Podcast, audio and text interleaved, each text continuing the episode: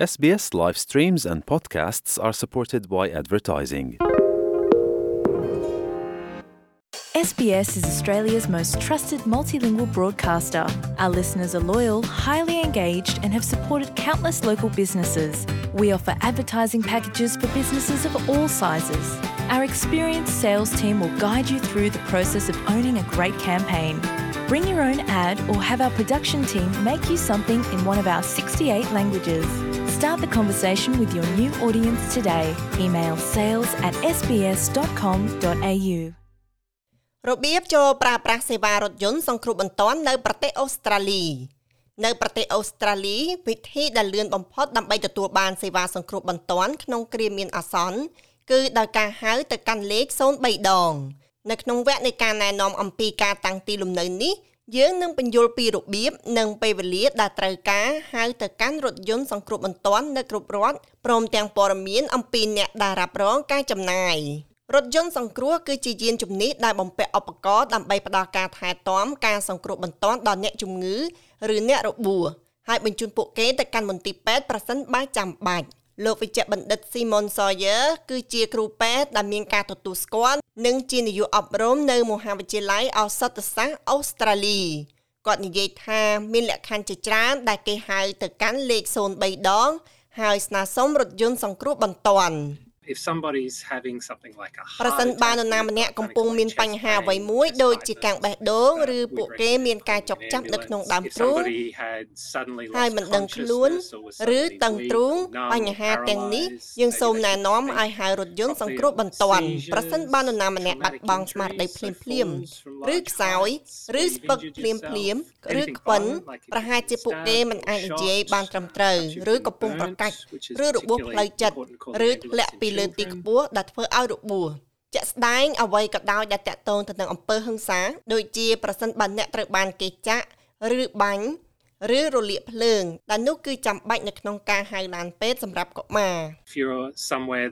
ប្រសិនបើអ្នកនៅកន្លែងណាមួយដែលពិបាកកំណត់ទីតាំង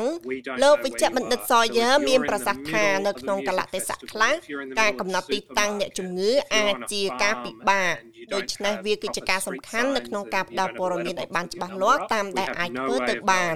នៅពេលអ្នកហៅទៅកាន់លេខ03ដង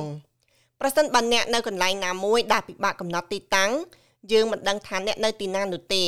លុះត្រាតែអ្នកប្រាប់យើងឲ្យច្បាស់ថាអ្នកនៅទីណាប្រសិនបើអ្នកនៅកណ្ដាលការប្រគំតន្ត្រីឬប្រសិនបើអ្នកនៅកណ្ដាលផ្សារទំនើបឬប្រសិនបើអ្នកនៅកសិដ្ឋានដែលមិនមានផ្លាកសញ្ញាត្រឹមត្រូវហើយមិនមានប្រអប់សម្បត្តិដែលមានលេខសម្គាល់នោះយើងគ្មានផ្លូវដឹងថាអ្នកនៅទីណានោះទេដូច្នេះអ្នកត្រូវប្រាប់ឲ្យជាក់លាក់តាមដែលអាចធ្វើទៅបាន ការហៅទៅកាន់លេខ03ដង គឺមិនគិតថ្លៃទេ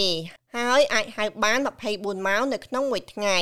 7ថ្ងៃក្នុងមួយសប្តាហ៍និងអាចហៅពីគ្រប់បណ្ដាញទូរស័ព្ទទាំងអស់លោកវិជ្ជបណ្ឌិត Simon Sawyer បញ្ជាក់ថាវាមិនចាំបាច់មានលុយនៅក្នុងទូរស័ព្ទដើម្បីហៅទៅកាន់លេខ03ដងនោះទេ anyone can use អ្នកណាក៏អាចប្រើសេវា03ដងបានដែរអ្នកមិនចាំបាច់ធ្វើជាសមាជិកទេមិនចាំបាច់មានសញ្ជាតិអូស្ត្រាលីនោះទេអ្នកអាចហៅនៅថ្ងៃឈប់សម្រាកនិងនៅគ្រប់ទីកន្លែងនៅក្នុងប្រទេសអូស្ត្រាលីអ្នកអាចហៅនៅពេលដែលអ្នកស្ថិតនៅក្នុងស្ថានភាពរស់នៅមិនប្រក្រតីអ្នកមិនចាំបាច់ត្រូវទៅនៅផ្ទះដើម្បីហៅលេខ03ដងនោះទេក្មេងឬចាស់ក៏អាចហៅលេខនេះបានដែរដូច្នេះអ្នកណាត្រូវការរថយន្តសង្គ្រោះបន្ទាន់ឬប៉ូលីសឬសង្គ្រោះអគ្គិភ័យអាចហៅទៅកាន់លេខ03ដងហើយប្រសិនបើអ្នកមានបញ្ហាការនិយាយឬការស្ដាប់មានលេខមួយខ្សែទៀតដែលមនុស្សមួយចំនួនមិនបានដឹងអំពីវានោះគឺលេខ106ដែលជាសេវាតាមរយៈការសរសេរសម្រាប់អ្នកគ្រប់គ្នាហើយបើទោះបីជាអ្នកមិននិយាយភាសាអង់គ្លេសក៏ដោយអ្នកនៅតែអាចហៅទូរស័ព្ទនិងនិយាយជាមួយនឹងរថយន្តសង្គ្រោះបន្ទាន់ ហើយបន្ទាប់មកពួកគេនឹងធ្វើការជាមួយអ្នកដើម្បីស្វែងរកអ្នកបកប្រែអ្នកដែលឆ្លើយតបទៅនឹងការហៅទូរស័ព្ទ03ដងនិងសួរសំណួរដើម្បីសម្រេចថាតើស្ថានភាពរបស់អ្នកមានលក្ខខណ្ឌគ្រប់គ្រាន់ឬទេលោកវិជ្ជបណ្ឌិតសយ័រនិយាយថា ការឆ្លើយតបនៅសំណួរទាំងនោះគឺសំខាន់ណាស់ They'll ask you what the actual គេ problem នឹងសួរអ្នក is. ថា So again, តើ being បញ្ហា specific is ពិត possible. គឺអ្វី Speaking as a ដងទៀត paramedic, សូម it's ប្រាប់ឲ្យ important ជាក់លាក់ for ទៅ me to តាម know អ្វីដែលអ្នកអាច exactly ធ្វើ what I'm បាន going to នៅក្នុង for a នាមជា number គ្រូ of ពេទ្យ reasons. វា So គឺ you សំ might ខាន់ say, ណាស់ for សម្រាប់ example, ខ្ញុំ I've had នៅ a ក្នុង car ការដឹង accident. ថា My តើ partner ខ្ញុំ isn't នឹងទៅ breathing, ប្រ my ហែលផល partner's អ្វី got chest ជាឧ pain, ទាហរណ៍ something អ្នកអាច like ប្រាប់ that. ខ្ញុំ They'll ថា ask how ខ្ញុំ many បានជួបគ្រោះថ្នាក់ people ច are រា sick ច or រណ៍ injured. ឬដៃ Again, គូ that's របស់ខ្ញុំ important បាត់ដង្ because if ហើម it's just one, ឬដៃ maybe គូ just របស់ one ខ្ញុំ ambulance ចុក would ក្នុង be ទ្រូង enough. និយាយដោយដែលបានរៀបរាប់ខាងលើជាដើម ពួកគេនឹងសួរថាតើមានមនុស្សប្រមាណអ្នកឈឺឬរបួសជាថ្មីម្ដងទៀតនេះគឺជារឿងសំខាន់ព្រោះប្រសិនបើវាជាបញ្ហាតែមួយ នោះត្រូវការតែរថយន្តសង្គ្រោះបន្ទាន់គឺគ្រប់គ្រាន់ហើយព័ត៌មានអំពីអាយុនិងភេទរបស់អ្នកជំងឺក៏សំខាន់ផងដែរព្រោះវាជួយឲ្យគ្រូពេទ្យរៀបចំថ្នាំនិងទំហំឧបករណ៍ដែលត្រូវការបានត្រឹមត្រូវ នោះរួមបញ្ចូលទាំងការដឹងនៅការកំណត់អត្តសញ្ញាណថាតើអ្នកជំងឺជាខ្ទើយឬក៏មិនមានការកំណត់ភេទ Lindsay Mackay គឺជានាយកប្រតិបត្តិបណ្ដោះអាសន្ននៃទំនាក់ទំនងប្រតិបត្តិការរបស់រថយន្តសង្គ្រោះបន្ទាន់នៅរដ្ឋ Victoria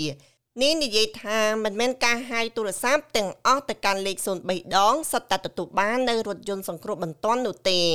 One in five calls ការ in ហៅទូរស័ព្ទ Australia ម្ដង don't នៅក្នុងចំណោម require an 5ដងនៅ emergency ប្រទេសអូ ambulance. ស្ត្រាលី And in គឺមិនត្រូវ Victoria, បាន you'll ទទួល come to our រថយន្តសង្គ្រោះបន្ទាន់ទេ So then ហើយ you'll នៅ be រដ្ឋ connected Victoria អ្នក to ជំ an ងឺនឹងជួប highly ជាមួយនឹងអ្នកពិនិត្យអាការៈ experienced ដែល paramedic ជាក្រុមទី and 2របស់ they'll យើង do a clinical ដូច្នេះអ្នក triage នឹង and តាក់ they'll ទង ask ជាមួយ you នឹង lots គ្រូ of ពេទ្យដែល medical មានបទពិសោធន៍ខ្ពស់ questions to figure out ឬ how កលៀន can នៅប they ច្ចេក best ការ support you. ហើយពួកគេ It នឹង may ពិនិត្យ not អាការៈ mean សិន that you need an ពួកគេនឹង ambulance. សួរនៅសំណួរវិទ្យាសាស្ត្រជាច្រើនប្រភេទដើម្បីរកឲ្យឃើញពីរបៀបដែលពួកគេអាចជួយអ្នកជំងឺឲ្យបានល្អបំផុត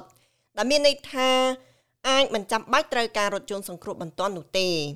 វិជ្ជបណ្ឌិត Sayer និយាយថានៅពេលដែលពួកគេទៅដល់កន្លែងកើតហេតុគ្រូពេទ្យនឹងមកពិនិត្យរោគវិនិច្ឆ័យបណ្ដោះអាសន្ន We're experts in out of យើងជា hospital អ្នកជំនាញខាងផ្នែក emergency សុខ health. ភាព We'll ask សង្គ្រោះ you បន្ about ទាន់ your របស់មន្ទីរ symptoms. ពេទ្យ We'll ask យើង a lot of នឹងសួរសំណួរ questions ជា about ច្រើន your អំពី past ប្រវត្តិ medical នៃការព្យាបាល history ពី as មុន well, របស់ if អ្នក you ជំ have ងឺផងដែរ allergies and if you're on ថាតើមាន medications. ការលាក់ស៊ី All that ទេ information និង we'll ថា use តើ to អ្នក try ជំងឺ and កំពុង form a- ប្រើថ្នាំ we ឬ call it a ទេ provisional ព័ត៌មានទាំង diagnosis, អស់ដែល what យើង we ប្រើ think ប្រាស់ is ដើម្បី wrong បំ with ពេញ you. ពាក្យគឺយើងហៅវាថាជាទម្រង់រោគវិនិច្ឆ័យបណ្ដោះអាសន្នវាជាអ្វីដែលយើងស្វែងរកភាពមិនប្រក្រតីនៅក្នុងខ្លួន លោកវិជ្ជបណ្ឌិត Sawyer ពន្យល់ថាជាធម្មតារថយន្តសង្គ្រោះបន្ទាន់នឹងនាំអ្នកទៅកាន់មន្ទីរពេទ្យដែលនៅជិតបំផុតប៉ុន្តែមិនមែនគ្រប់ពេលនោះទេ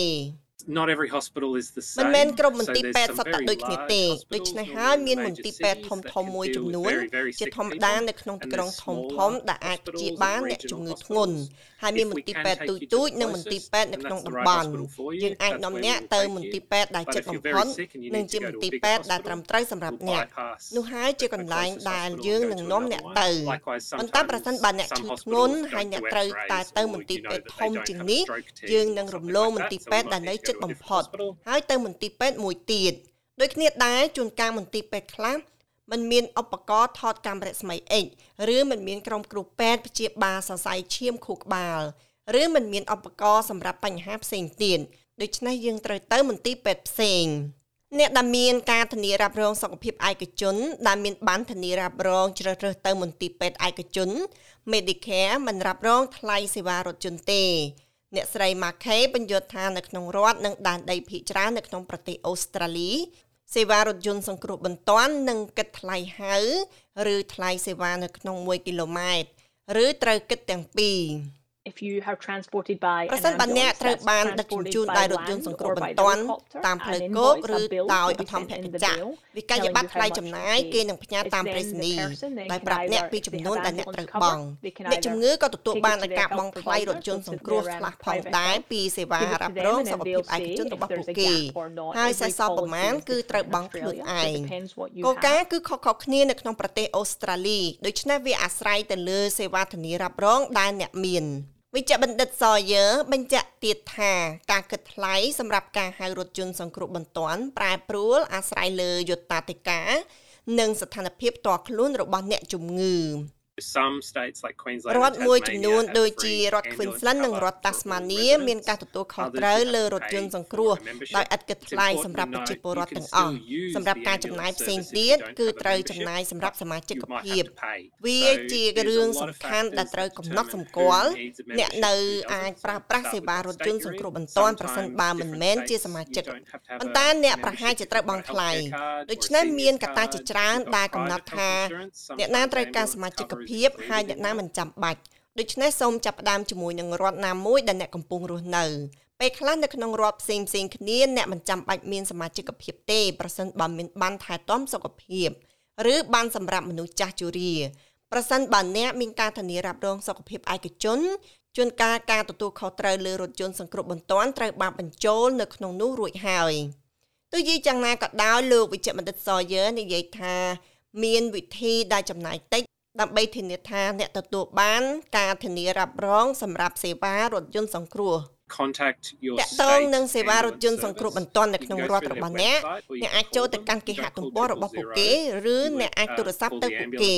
អ្នកមិនចាំបាច់ហៅទៅលេខ03ដងទេ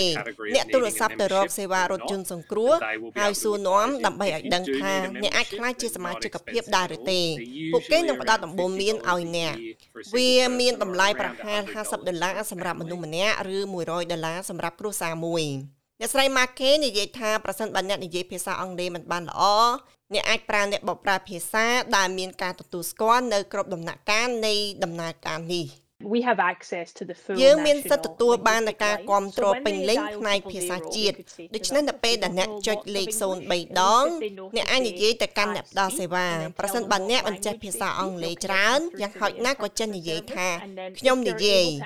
ហើយបន្ទាប់មកប្រាប់ថាតើអ្នកនិយាយភាសាអ្វី